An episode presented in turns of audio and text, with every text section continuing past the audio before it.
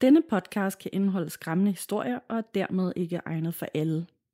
Vi kan godt lide et godt gys, men hvis du nemt bliver påvirket og har svært ved at ryste af dig igen, så skal du overveje en ekstra gang, om denne podcast er noget for dig. Du lytter til et afsnit af Gåsehud.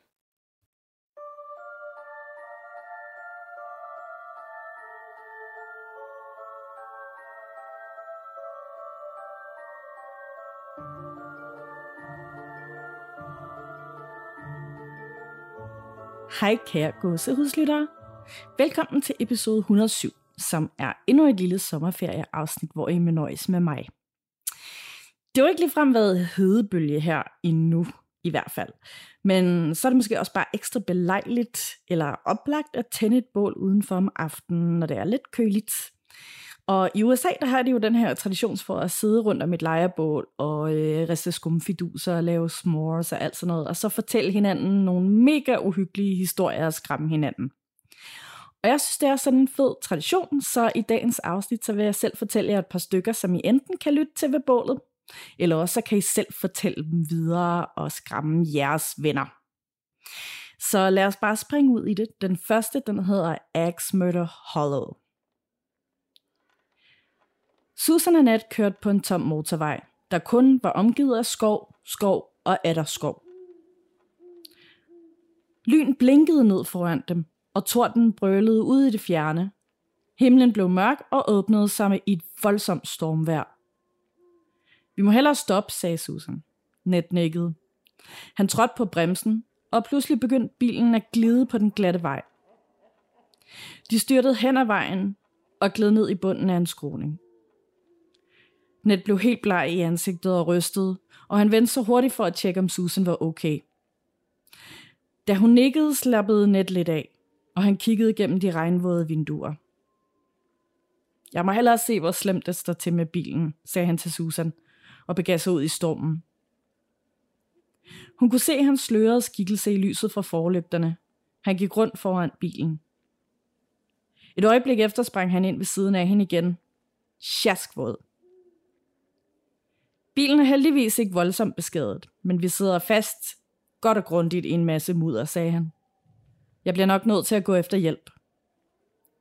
Susan gispede nervøst. Der ville ikke kunne komme nogen hurtigt ud for at redde dem her. Han bad hende om at slukke forlygterne og låse dørene ind, til han kom tilbage. X Murder Hollow. Selvom Ned ikke havde sagt navnet højt, så vidste de begge to, hvad han havde tænkt, da han bad hende om at låse bilen.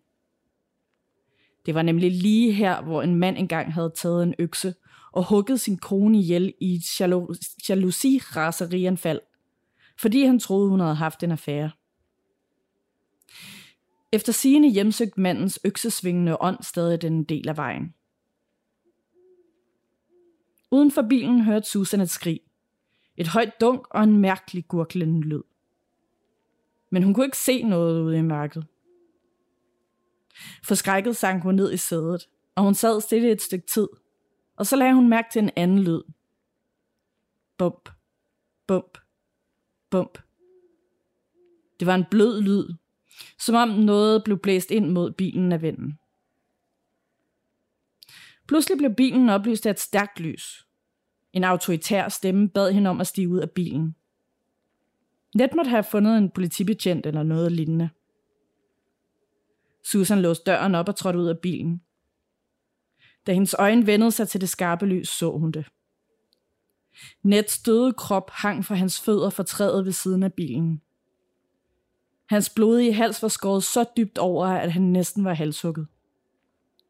Vinden svingede hans lig frem og tilbage, så det dunkede mod træet. Bump, bump, bump. Susan skreg og løb mod stemmen og lyset. Da hun nærmede sig, indså hun, at lyset ikke var fra en lommelygte. Der stod en glødende mand med et smil på læben, og en stor, solid og tvivlsomt ægte økse i hænderne. Hun bakkede væk fra den glødende skikkelse, indtil hun stødte ind i bilen. Du føjtede rundt med ham bag min ryg, viskede spøgelset, og strøg det skarpe blad på øksen med fingrene. Du har været meget fræk.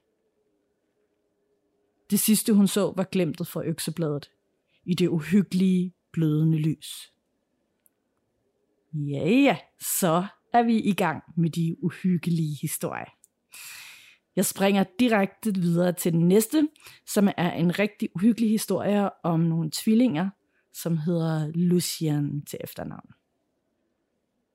Jeg vil aldrig glemme Lucien-tvillingerne. Selv efter 10 år kan jeg tydeligt huske alt ved dem. Fuldstændig krystalklart. Det var mit første undervisningsår, da det gik i min klasse. Mit dukfriske diplom fra universitetet var indrammet på mit skrivebord, og jeg havde placeret et sceneret billede af min nu afdøde yndlingsprofessor på væggen bag mig. Med skråskrift stod der, til Mary, min kære. Nu kan du undervise hele verden. Jeg tog mig af min børnehaveklasse, som var de mine egne børn. Men Lucienne-tvillingerne var mine absolut favoritter. Der var Abigail, blondinen med en lille næse, og Bridget med kortere brunt hår. Frøken Mary begyndte Abigail at trække min kjole, før Bridget fortsatte. Vi tænkte på, Abigail tog igen, om vi må gå over til klistermærkeboksen, og Bridget sluttede sætningen, og tage en stjerne. Og selvfølgelig kunne jeg på ingen måde sige nej til pigerne. De var bedårende og uimodståelige. Lige fra deres delte sætninger til de hjerteformede medaljoner, de bar med deres navne indgraveret i. Jeg kunne aldrig forestille mig, at der skulle ske dem noget som helst. Men skæbnen følger ingen regler, og noget endte der i hvert fald med at ske. Rygtet om bilulykken spredte sig rundt på skolen hurtigere end ambulancen kunne nå frem til hospitalet. Det var et kryds, hvor en pickup var ramt ind i siden af deres bil på vej til skole fredag morgen. Chaufføren i pickuppen var stadig beruset fra sin druktur aftenen før. Han havde ramt benzintanken på deres bil, og den spydede nu ud med brændstof i højre side af bilen, og flagermen stod op gennem bagsædet. Bridget var spændt fast i en autostol over dem, og rygtet var, at Abigail så sin tvilling brænde levende. Da brandmændene befriede Abigail, kastede hun sig over Bridgets stadig ulmende knogler, og hendes søsters rødglødende medaljon brændte et mærke i hendes øreflip. Deres enlige mor overlevede, men sorgen over den tabte datter ødelagde hendes sjæl fuldstændig. Abigail vendte tilbage til klassen to uger senere. Håret på hendes højre side af hovedet var svedet, men det voksede ligesom lidt tilbage, selvom farven var blevet mørkere lige der. En lægeundersøgelse afslørede intet andet galt med hende, udover at hun havde et høretab på sit højre øre. Afdæmpede stemmer fyldte skolens gange, og viskede i hendes trummehinde, som ellers bare var fyldt af hendes døende søsters højlytte skrig. Men det mest uhyggelige var hendes søsters navn. Det var nemlig brændt ind i hendes øreflip og omgivet og omridset af en hjerteformet medaljon. Fra dag af ville ingen af de andre elever sidde på højre side af Abigail, så jeg var nødt til at omarrangere alle pladserne for at placere hende ved siden af væggen. Abigail virkede tilfreds der, som om hun var på en isoleret øde ø. Før hendes søster døde, talte de sjældent med de andre elever, og det var ikke blevet anderledes nu. I frikvartererne kunne jeg høre Abigail tale til væggen, i usammenhængende sætninger. Abigail, skat, hvad siger du? spurgte jeg en uge efter hun kom tilbage. Åh, frøken Mary, sagde hun, jeg er... Og så holdt hun en pause og ventede. Og så tænkte vi, endnu en pause og stillhed. Og det, det kan vi, kan vi ikke? Selvfølgelig kan du det, skat. Jeg svarede, selvom ordvekslingen fik hårene til at rejse sig på mig. Hun smilede igen og lagde sit højre øre, det døve, mod væggen. Stansede igen og talte. Hun sagde ja, og så fortsatte sludret, indtil klokken ringede ud. Det var først, da jeg var kørt halvvejs hjem, at jeg indså, at hullerne i Abigails samtale var der, hvor Bridget normalt ville have talt. Der gik nogle måneder, og Abigail blev endnu mere udstødt i klassen. De andre børn glemte alt om ulykken, og nogle af dem begyndte endda at mobbe hende. Jeg reviderede sidepladserne igen og flyttede hende tættere på mit skrivebord. Frøken Mary, råbte Abigail en dag og trak i min kjole. Hun snublede, og jeg rakte ud for at fange hende. Men hun faldt op imod min professors portræt på væggen og knuste glasset. Hun samlede resterne op, og glasset skar dybt ind i hendes små blødende håndflader. Men hun lagde slet ikke mærke til det. Jeg er ked af det, frøken Mary, sagde hun. Og hendes stemme ændrede tone. Vi ødelagde det ikke med vilje. Og med en meget lavere stemme. Dit billede. Jeg var helt paf. Det var hendes første hele sætning siden ulykken. Det er okay, sagde jeg og krammede hende. Blodet fra hendes hænder dryppede ned på mig, men det føles koldt, og jeg skyndte mig at binde det ind med gase. Jeg er sikker på, at du vil undervise hele verden en dag, frøken Mary, sagde hun, og hendes stemme ændrede igen tonefald. Mit hjerte frøs, da jeg læste sedlen på portrættet for tusinde gang. Abigail kunne ikke læse gråskrift endnu. Hvordan vidste du, hvad der stod på det, spurgte jeg. Bridget fortalte mig det. Hun taler med ham nu, sagde hun, og snod en lok af sit mørke hår om sin finger. Det er ikke det eneste, hun fortæller mig. Hun fortæller mig nogle gange nogle frygtelige ting, og jeg kan ikke lade være med at høre på hende. Så begyndte hun at græde. Og hun lagde selv også mærke til glasset dybt inde i hendes hænder. Hun stopper aldrig, og hendes stemme hævede sig til et råb. Da jeg tog billedet tilbage, brød hendes sætninger op igen, og jeg flyttede hende ud på et bord længere væk fra mit skrivebord. Med tiden opdagede de andre elever Abigails evner i forhold til gamle genstande. De begyndte at tage ting med i skole, som de fandt på loftet. Ting, som deres bedsteforældre havde ejet. Og så så de på, mens hun tog dem i hænderne og spændte sit højre øre. Og hendes sætninger blev enten hele eller knækket op igen. Det blev en leg for mig at lytte til de historier, hun fandt på. Men det hele påvirkede hende meget, og hun begyndte at bære handsker, selv i sommerens tunge varme. Men en dreng, som var større end de andre, og var en velkendt bølle, der drillede de andre, synes det var sjovt at gøre hende ilde til mode, når de tvang ting ind i hendes undvigende håndflader. Han var den første, der havde opdaget den frygt, hun følte, da de engang havde givet hende en gammel patron. Og han løb bagefter hjem for at finde en gammel kasse i sin kælder, som hans forældre havde forbudt ham at åbne. Inden i den var hans oldefars naziuniform. Hans oldefar havde været vagtchef i en koncentrationslejr, og bøllen skyndte sig at rive en af knapperne af uniformen. Dagen efter fandt han Abigail på legepladsen og trængte hende op i en krog. Han flåede handskerne af og tvang knappen ind i hendes hånd og lukkede sine fingre tæt om den. Da hun begyndte at skrige, lå han bare og lukkede knytnæven endnu hårdere om knappen. Jeg nåede derhen for sent. Da jeg trak drengen væk fra hende, hulkede hun fuldstændig ukontrolleret. Begge hendes hænder var knyttet. Hun tabte knappen, som om den var brændende varm, men nægtede at åbne den anden knytnæve. Helt indtil ambulancen ankom, og hun blev bedøvet med noget smertestillende. Først da kunne redningsfolkene åbne hånden, og her fandt de hendes højre øre, som hun havde revet af med sine små blodige fingernegle. Bridgets navn stod stadig skrevet på øreflippen. Men det mest skræmmende var, da hun skreg. Der kunne jeg nemlig høre to stemmer skrige fra hendes mund. Uh. Jeg synes selv, den her historie var super uhyggeligt, øh, og øh, der er jo sådan lidt også traditionelt i gyser verden noget helt uhyggeligt over de her tvillinger. For eksempel, og øh, nok især understreget med tvillingerne fra øh, Undskabens Hotel, der står derude på gangen og øh, fyldt med blod og skåret stykker og siger, wanna come play with us, eller hvad det er, de siger her.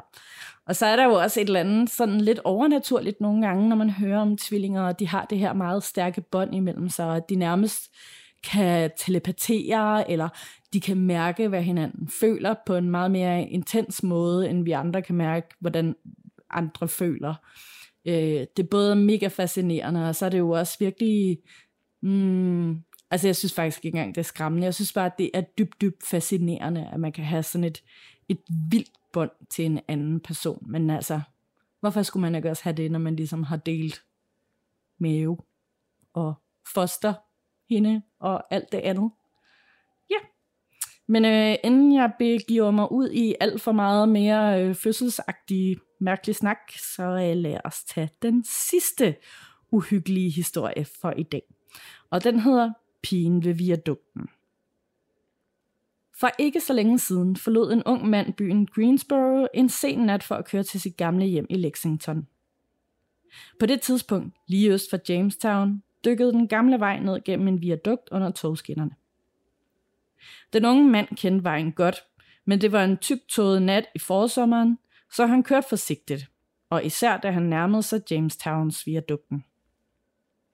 Mange ulykker var sket lige der, så han satte fart ned i svinget, der førte til tunnelen, og var halvvejs igennem den, da hans øjne næsten sprang ud af hovedet på ham.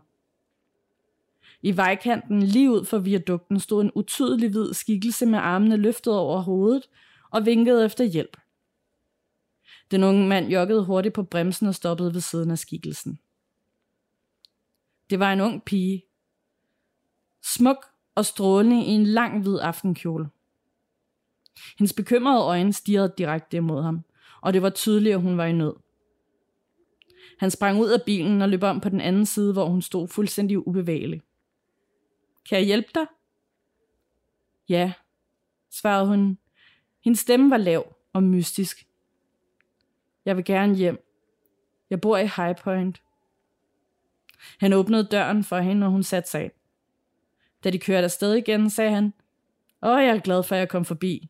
Men jeg havde ikke forventet at finde nogen som dig lige herude på vejen så sent om aftenen. Jeg var til en fest, fortalte hun monotont. Min kæreste og jeg havde et skænderi.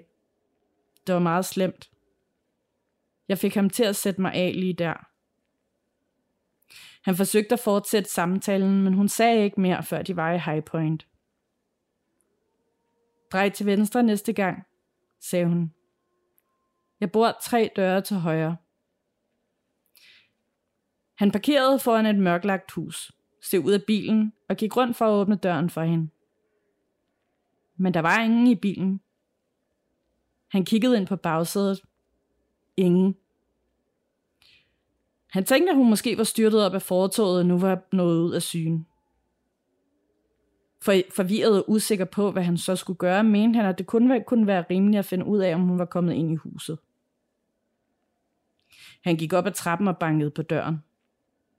Der kom ingen. Han bankede igen, men der var ingen lyd nogen steder. Efter et tredje slag gennem sideruderne, dukkede et svagt lys op for den kulsorte gang. Endelig blev døren åbnet af en hvidhåret kvinde i natkåbe. Øh, Hej, jeg kørte en pige hjem til det her hus, forklarede han. Men nu kan jeg ikke finde hende. Har, har du set hende? Jeg samlede hende op ude på motorvejen. Hvor? Ved viadukken til Jamestown. Hun fortalte mig, at hun havde været til fest og var på vej hjem. Oh. Ja, jeg ved det, sagde kvinden træt. Det var min datter. Hun blev dræbt i en ulykke ved den tunnel for fem år siden i aften. Og hvert år lige siden, netop på den her aften, for hun stoppede en ung mand og beder om et lift. Hun forsøger stadig at komme hjem. Den unge mand vendte sig målløs for døren. Det svage lys i huset gik ud. Han kørte videre til Lexington, men han har aldrig glemt, og han vil aldrig glemme den smukke unge blaffer, og hvordan hun bare sådan forsvandt ud i natten. Uh. Ja, ja, ja. Så fik I tre gode, synes jeg, gyserhistorie. I hvert fald øh, god underholdning til ligesom at det skabe noget spænding. Og man kan jo lige sådan forestille sig, at man sidder udenfor. Der er en ule, der hyler lidt øh, i de fjerne, og vinden risler lidt i trætoppene, og man sidder der rundt om lejrbålet og kan høre knisterne, der springer lidt frem og tilbage. Og så er der måske en, der sidder der og fortæller den her historie med lommelygten under ansigtet for at lave uhyggelige skygger. Øhm, det, det er da i hvert fald en, et godt forslag til en god øhm, gåsehudsagtig sommeraktivitet. Yes. Jeg håber, I stadig nyder sommeren derude, og øh, husk også, at I stadig meget gerne må sende os alle jeres lytteberetninger, og I må endelig også gerne sige til jeres venner, at de skal sende noget til os, hvis øh, de har oplevet noget bestemt. Og I kan altid skrive til os på godsehudpodcast.gmail.com, og det er godsehud med to A'er. Og husk endelig også at melde jer ind i vores Facebook-gruppe, hvis I ikke allerede er der, fordi der er simpelthen også timevis af underholdning og sjove memes og film og bogtip og også et par computerspilstips derinde. Så der er i hvert fald masser at tage fat i. Øhm, nu hvor sommerværet ikke ligefrem har vist sig fra den helt sådan flotte side, det er i hvert fald ikke ligefrem sådan, at man bruger øh, oceaner og tid ved at ligge nede på stranden eller ligge ude i haven og sole sig. Så øh, ja, hvis I også bare er de der typer, der ikke bryder sig om at være ude i solen i det hele taget, så er der i hvert fald masser af god underholdning at tage fat i der. Tusind tak, fordi I gad at lytte med igen. Og øh, næste gang, så bliver det nok et lidt mere normalt afsnit fra os igen. Men tak, fordi I lyttede med. Og pas på, for man ved aldrig, hvad der gemmer sig bag næste dør.